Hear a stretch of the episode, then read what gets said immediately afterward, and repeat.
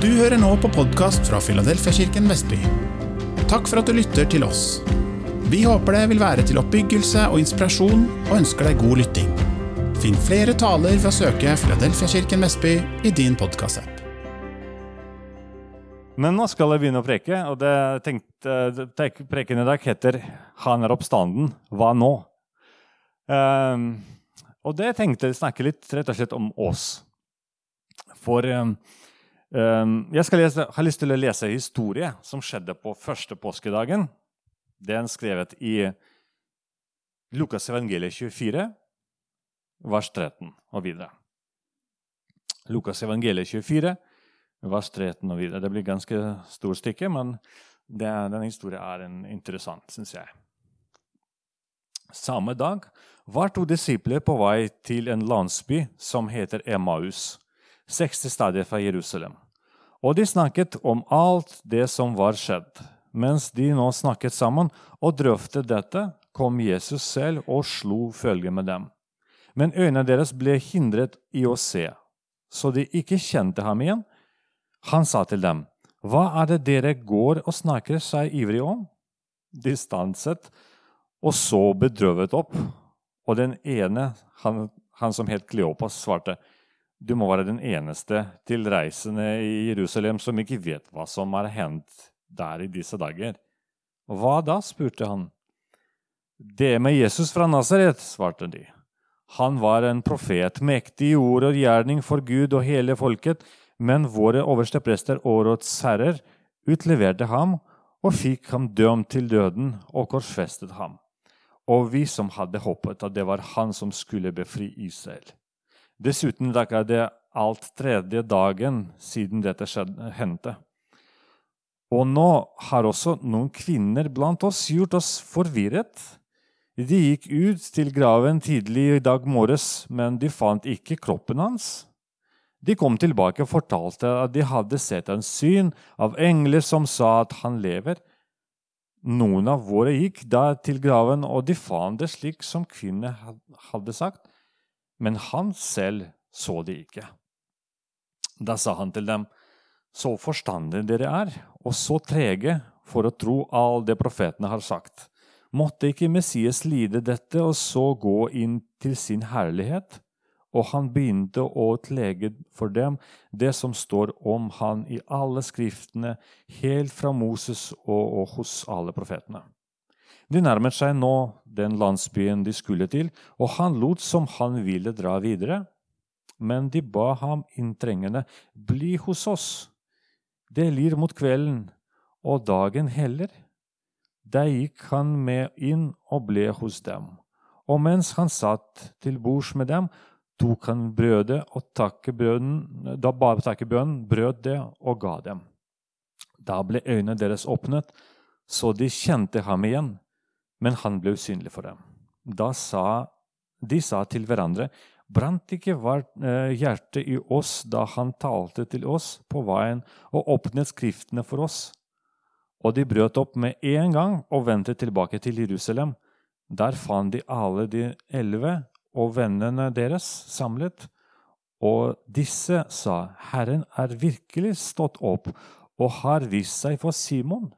Så fortalte de to om det som hadde hendt på veien, og hvordan de hadde kjent ham igjen da han brøt brødet.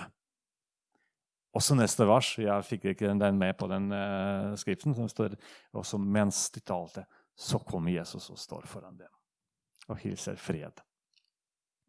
Du vet, Dette er en interessant historie. Det skjedde rett etter, post, rett etter oppstandelse. Og det finnes en annen historie i Johannes evangeliet. Noe helt annerledes, men jeg er prinsipielt ganske likt. Det handler om Peter, som, uh, som sier nei, vet du hva, jeg går og fisker.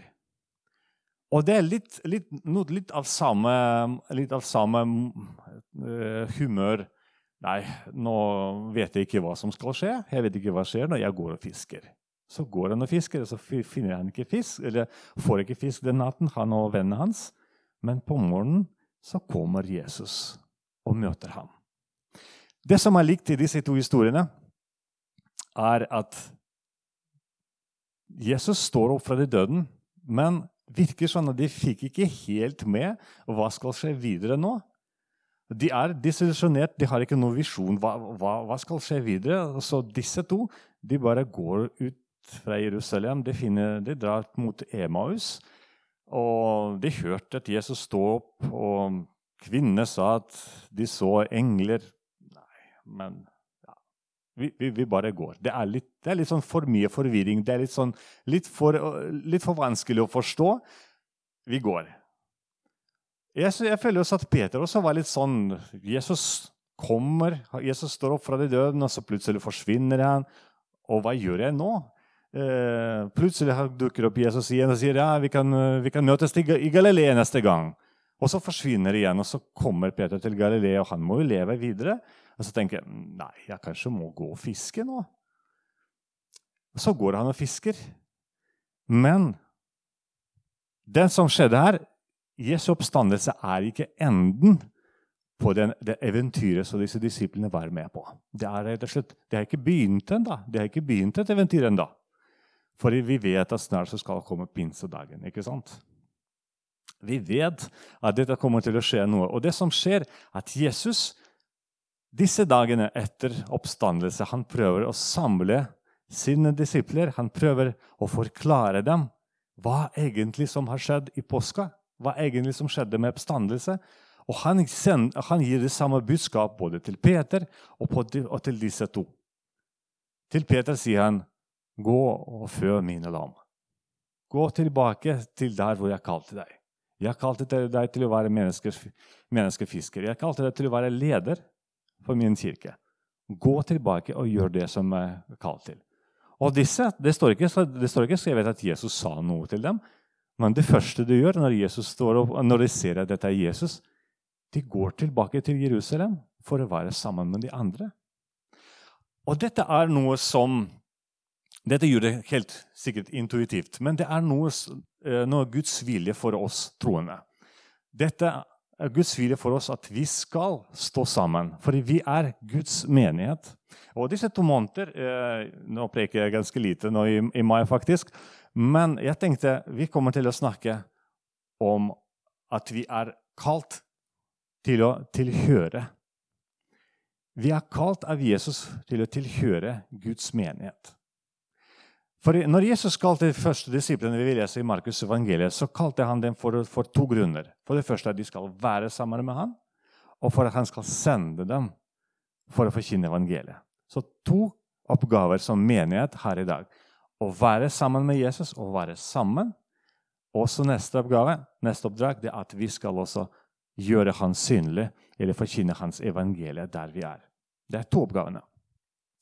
Og jeg har lyst til å si at uh, Jeg har lyst til å bruke dette historien som vi leste nå, som utgangspunkt. For det kan oppleves for flere av oss at det kan være litt too much av å være en del av menighet. Jeg er frelst. Jeg har opplevd jeg, jeg har sett korsfestelse, jeg har opplevd at Jesus lever. Men jeg, det er så mye som, som jeg syns er litt, sånn litt vanskelig. Jeg, jeg, skjønner ikke alt som de snakker om i den menigheten. Nei, det er best at jeg går, eller kanskje litt alene. Uh, ja, å være leder for, for, en, for en oppdrag, eller sånn, å være lærer på søndagsskole Jeg har ikke tid til det. Nei, jeg tror bare, jeg, tror bare sånn, jeg bare går. Jeg er fremdeles troende. Jeg er fremdeles tro på Gud. Jeg husker alt det gode som han sa til meg, men jeg tror kanskje jeg går til, til Emmaus. Jeg, jeg, tror det er der hvor jeg trives bedre. Uh, jeg, jeg, føler at f.eks. å dele evangeliet vi, vi, snakker om noen, noen historier her hvordan man har opplevelser med å dele Guds ord. Og det, ikke, det er ikke bare sånn halleluja-historier. Du kan komme til en person og så begynne å snakke om Jesus og si nei, jeg er ikke interessert. Man føler seg veldig, man føler ganske dårlig hvis du har noen gang prøvd eller ble avvist pga. Av eh, evangeliet. Så det kjenner, det kjenner litt på kroppen nå. Så, så sånne historier har vi. også. For noen kan, det være sånn, en skikkelig uh, skuffelse. ok, nei, men dette er kanskje ikke noe for meg. Jeg tror jeg bare jeg bare går til min Emmaus. da. Jeg bare, jeg bare går dit. Jeg, nei, dette, dette er ikke noe for meg. Du vet, livet og, i, og som Jesu etterfølger, det er ikke bare Eller det er herlig liv. Det er flott å være Jesu etterfølger. Det er flott å føle at du gjør meningsfullt, at du lever sammen med Jesus og kan oppleve hans oppmuntring. Men det er ikke alltid lett. For Det er derfor Jesus sier at dette er kors som skal bæres. Og en annen sted han sier at vi må, nesten, vi må vurdere nesten som en mann som skal bygge et tårn. Fordi det blir noen utgifter. Det blir noen sånn at du må ta kanskje noen Du må gjøre ting som ikke er komfortabelt, fordi du kaller Jesus for herre. Og hvis du sier 'Jesus, du er min herre', så du kan ikke si nei til herre. Da må du si ja. ikke sant? Og det er ikke alltid noe som jeg liker å gjøre. Det er ikke noe alltid jeg er komfortabelt med. Så, så dette er å være som Jesus etterfølger. Det er ikke alltid lett. Og, og, når disiplene forlater Emma, uh, Jerusalem, det er fordi det var litt, rett og slett litt too much for dem. Fordi Jesus er død, og nå, nå sier de at han er oppstanden. Også det er farlig, fordi, fordi alle andre disiplene de, de gjemmer seg og så lukker dørene. Nei, jeg tror jeg orker ikke sånn press. Jeg tror jeg bare går. Jeg, skal, jeg skal, tro i, i, i, stille mitt hjerte. Jeg skal fremdeles bevare min barnetro og og ha det gode opplevelser som jeg hadde med Jesus i løpet av disse tre og et halvt år. Men jeg tror jeg kanskje bare Ja, det blir litt for mye nå. Um, og det som skjer da Du vet, disse våre skuffelsene det ofte kommer fordi vi har uh, falske forventninger. Skuffelse er alltid resultatet av falske forventninger. Når du ser på, det, på, disse to De trodde at han skal være Messias som skulle, som skulle kjempe mot, uh, mot romerne og som skulle etablere Guds rike. Nå. Men det skjedde ikke, det. Og jeg tenker, Hvor mange skuffelser jeg også opplever i hverdagen. Når du ber for helbredelse, men får ikke noe med gang. Jeg ble helbredet flere ganger og så ba for helbredelse og opplevde at folk blir helbredet, men det er ikke alltid det skjer. Og så tenker jeg er det noe galt her? Er det med meg? Er det noe som ikke funker? Nei, kanskje jeg burde slutte å be for folk. fordi det, det, ikke, det skjer ikke alltid. Eller, eller, andre, eller andre, ting som, som man kan oppleve skuffelser skuffet over mennesker. Nei, der, den, den, den, personen i media er aldri så sur. Han, han hilser ikke på meg engang. Ja, nei, jeg tror, jeg, tror ikke, jeg, jeg tror ikke jeg passer inn der. Det kan være flere skuffelser som man sitter med. Og vi som hadde håpet at det var han som skulle befri Israel. Dessuten er det den tredje dagen siden han, han, dette hendte. Ikke sant? Vi kan velge å fokusere på det som var negativt og skuffende, eller kan prøve å se det gode som skjer, som Gud gjør i hverdagen. Fordi det er faktisk mye annet som Gud gjør.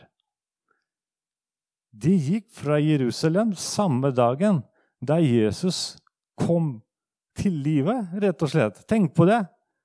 De forlater Jerusalem den, den, viktigste dagen, som var på en måte den, den skjebnebærende dagen for hele historien. Jesus kom til livet, mens de, de går bort helt sånn forvirret.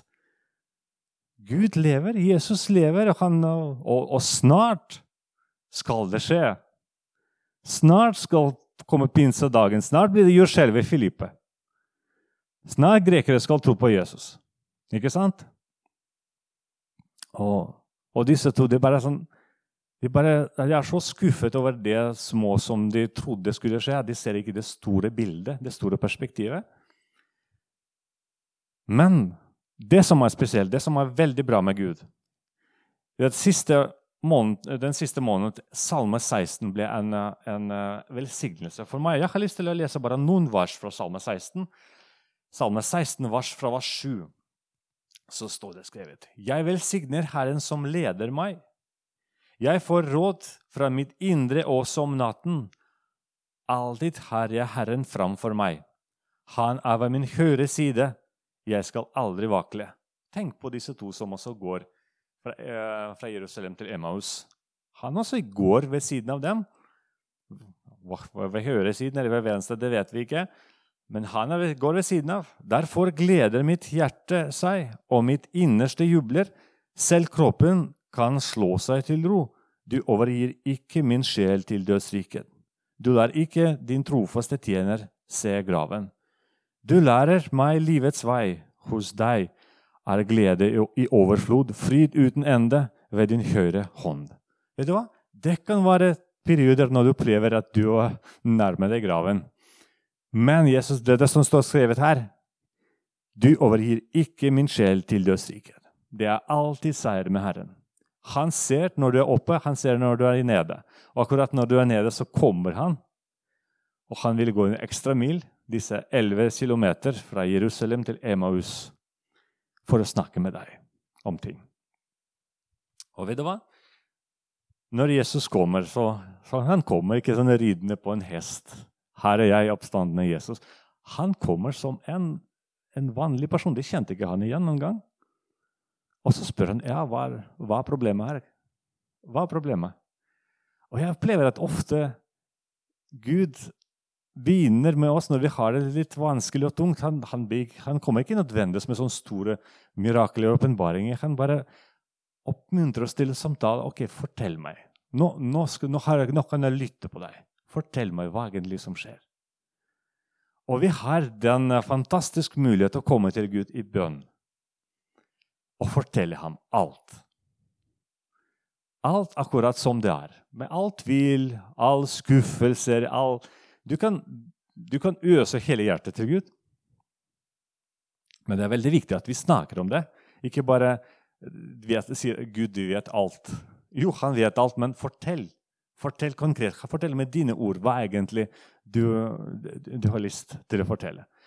Og det kan oppleves så dumt. Nå, hva skal jeg fortelle til deg? Jesus, du vet jo alt. Men du, det blir ikke verre enn, det blir ikke min, eh, mer komisk enn i den situasjonen når disse to forteller Jesus om hans egen korsfestelse. Du var kanskje den eneste som ikke vet hva som skjedde. Altså det sier du til Jesus, som, han som var korsfesta. Han som var i graven, han som sto opp. Og de forteller han kanskje med alle disse detaljene hva som, som skjedde. Og så Jesus sier ja, ok, ja vel, sånn var det. Akkurat. Ja, ja vel. Ja, det er så trist. Ja, det var trist. Men Gud lytter, og han har lyst til å lytte til mitt og ditt hjerte. For når vi går sammen med Jesus, når vi snakker til ham, så begynner det en helbredelsesprosess. Gud bekrefter oss. Han viser oss hvem han er, han viser oss hvem, hvem vi er. Og så fortsetter Jesus med å legge fram Guds ord for dem.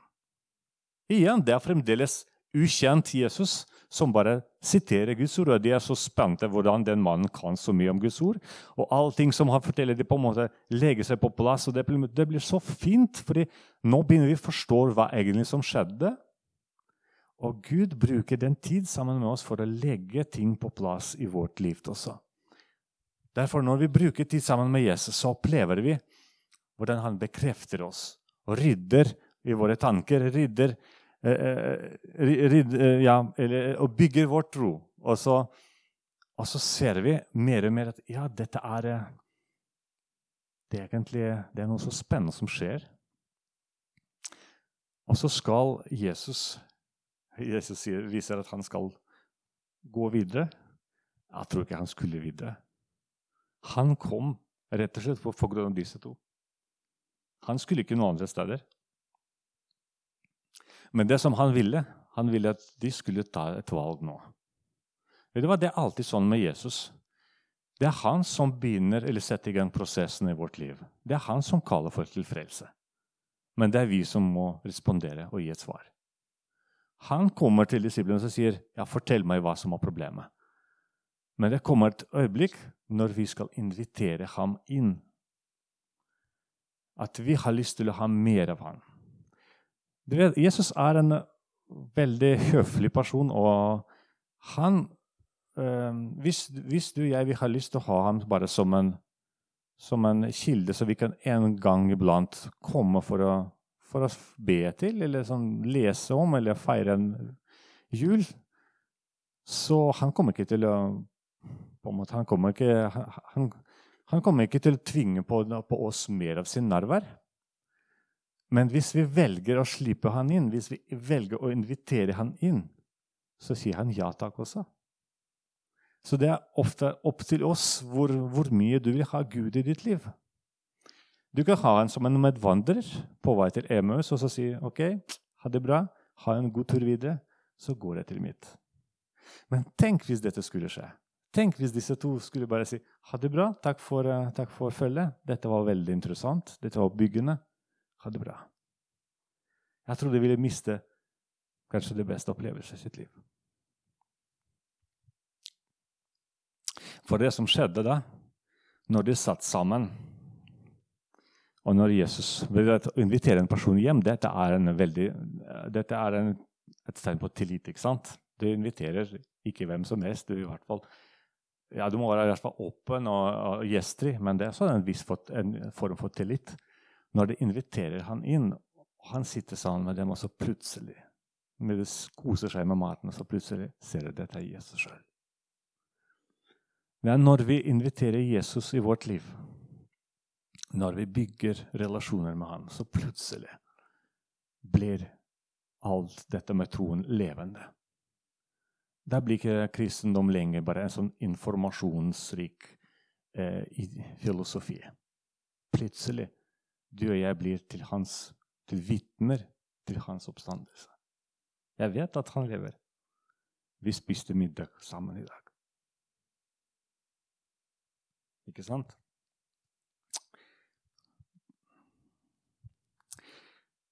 Og dette synes jeg, og hvordan kan Nå, nå, nå skjedde dette fysisk. De inviterte Jesus inn i sitt hus.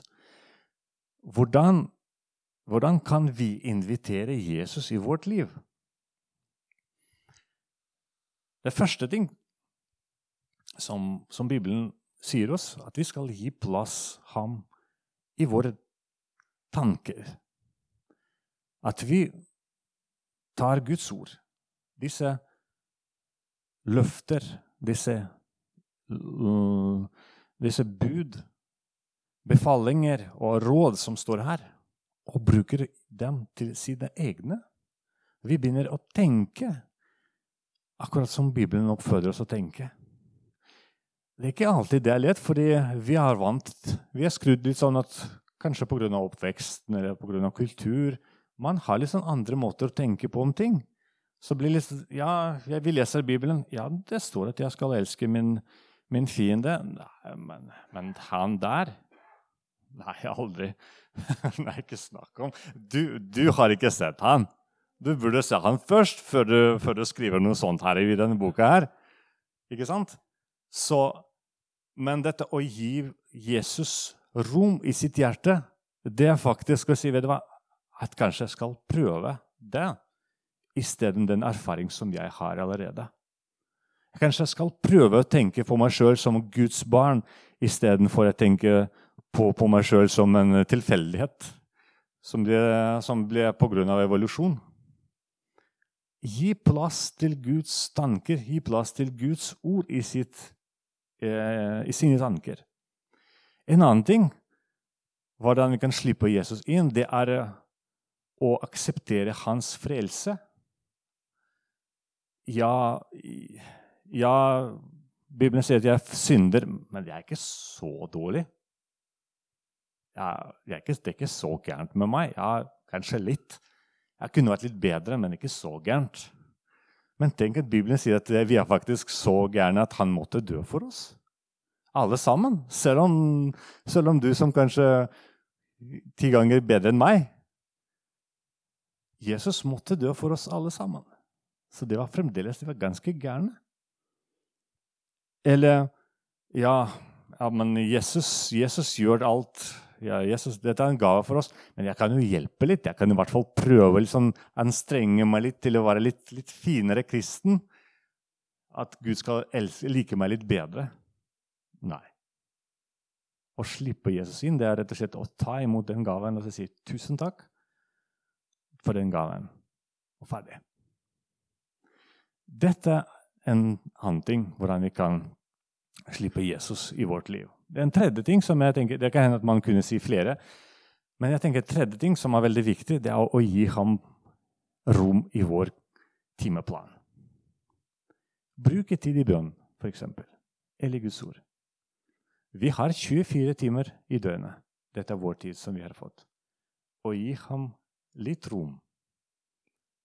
Både i våre tanker, men også i timeplanen. Det er, dette er å vise han både tillit, respekt, og så ta han imot på den måten. Det finnes ting som går ikke an å fikse med en gang. Det trengs en prosess. Relasjoner bygges over tid. Det samme skjer også med Jesus. Hvis vi vil ha gode relasjoner, så trenger vi tid sammen med ham. Og da, en dag når du har god tid og spiser middag sammen med Jesus, så plutselig ser du det er han oppstandende som er med deg. Han er oppstandende.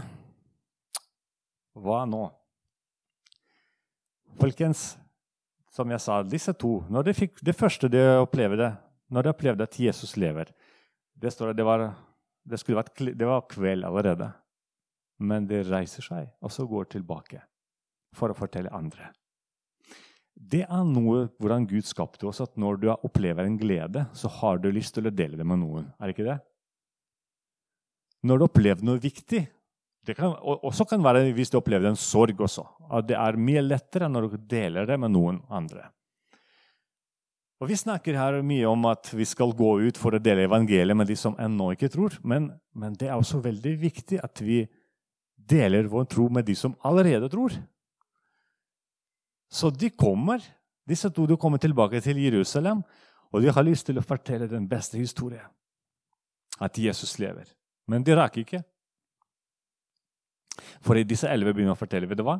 Jesus lever fordi han kom, uh, han kom til Peter i dag tidlig. Og de sier vet du hva? Vi har opplevd det samme fordi vi var i Emmaus, og Jesus kom til oss. Og mens de snakker, så plutselig kommer Jesus igjen. Og så alle andre også ser det. Når vi kommer hit Jeg har mitt vitnesbyrd. Du har ditt vitnesbyrd. Og så når vi er sammen, så kommer Jesus og så gir enda en vitnesbyrd. For når to eller tre samlet sammen, er han blant oss. Amen. Der sitter ikke jeg med min subjektiv vitnesbyrd, og du sitter med, med ditt subjektiv vitnesbyrd, men vi får et en full, fullkommen bilde åpenbaring om Gud, om hans kjærlighet, hans nåde. Eh, Johannes og jeg vi gikk en tur på torsdag. og så, Jeg vet ikke om han ble enig til slutt, men jeg sa en kommentar. Jeg sa de menneskene som er veldig sjelden går i kirken Ofte kan jeg se at de har, kan ha noen rare forestillinger om ting, om virkeligheten. Om kirken, om Gud. Rett og slett fordi når vi er sammen, og vi kan slipe hverandre når vi kan utfordre tankene, uh, tankene til hverandre, vi begynner å se sannheten som den er. Men når man er, sitter alene og studerer Bibelen, så plutselig, alene også, så plutselig på, kan man komme på noen veldig rare tanker hvordan, om Bibelen og om, om, andre ting, om virkeligheten. Så kommer det konspirasjonsteorier etter hvert som du skjønner ikke hvor det kom fra. Du forstår det, Den, den mannen kanskje, kanskje har ikke vært ute blant folk engang. Og Det er det som sies mye nå i, de, i, i nyhetene om Putin, f.eks. At han ble såpass isolert at han begynner å miste forståelse av hvordan virkeligheten egentlig er. Det samme gjelder oss kristne. Vi trenger hverandre for å være sunne og balanserte. Og egentlig den ekte, ekte kjærlighet til Gud også synlig i vår kjærlighet til vår neste. Dette er sunt. Så folkens, dette er min oppfordring til oss alle sammen. Jesus lever i deg, og jeg tror at Jesus taler til deg. Og så viser deg ting som er viktige. Det samme han også gjør med meg. Men når vi samler sammen, vi kan oppmuntre hverandre. Og vi kan se flere sånne flotte historier at Jesus lever. At Jesus lever, og Lillian kan fortelle at Jesus lever. Naher kan fortelle at Jesus lever. Øyen altså Når vi samler disse bildene, tenk hvor trosstyrken er dette. Er ikke det flott? Og sammen, når vi, når vi står sterke sammen, når vi også kan bære byrder til hverandre For noe av dette med å være Jesu disippel, det er så bare byrder til hverandre. Å gå en, en, eh, en vei sammen. Så etter hvert så blir vi sterke også til å gå ut for å forkynne evangeliet til de som ennå ikke tror. Det er et mirakel som Gud skapte. Menighet. Hvor du og jeg kan føle oss trygge, kan stå sammen og bli oppmuntret og bygget opp i vår tro. La oss stå sammen. Amen. Er du nysgjerrig på Jesus og har lyst til å lære mer? Da er du hjertelig velkommen hos oss i et varmt og inkluderende fellesskap. For møteoversikt, aktiviteter og mye mer, se filadelfiavestby.no.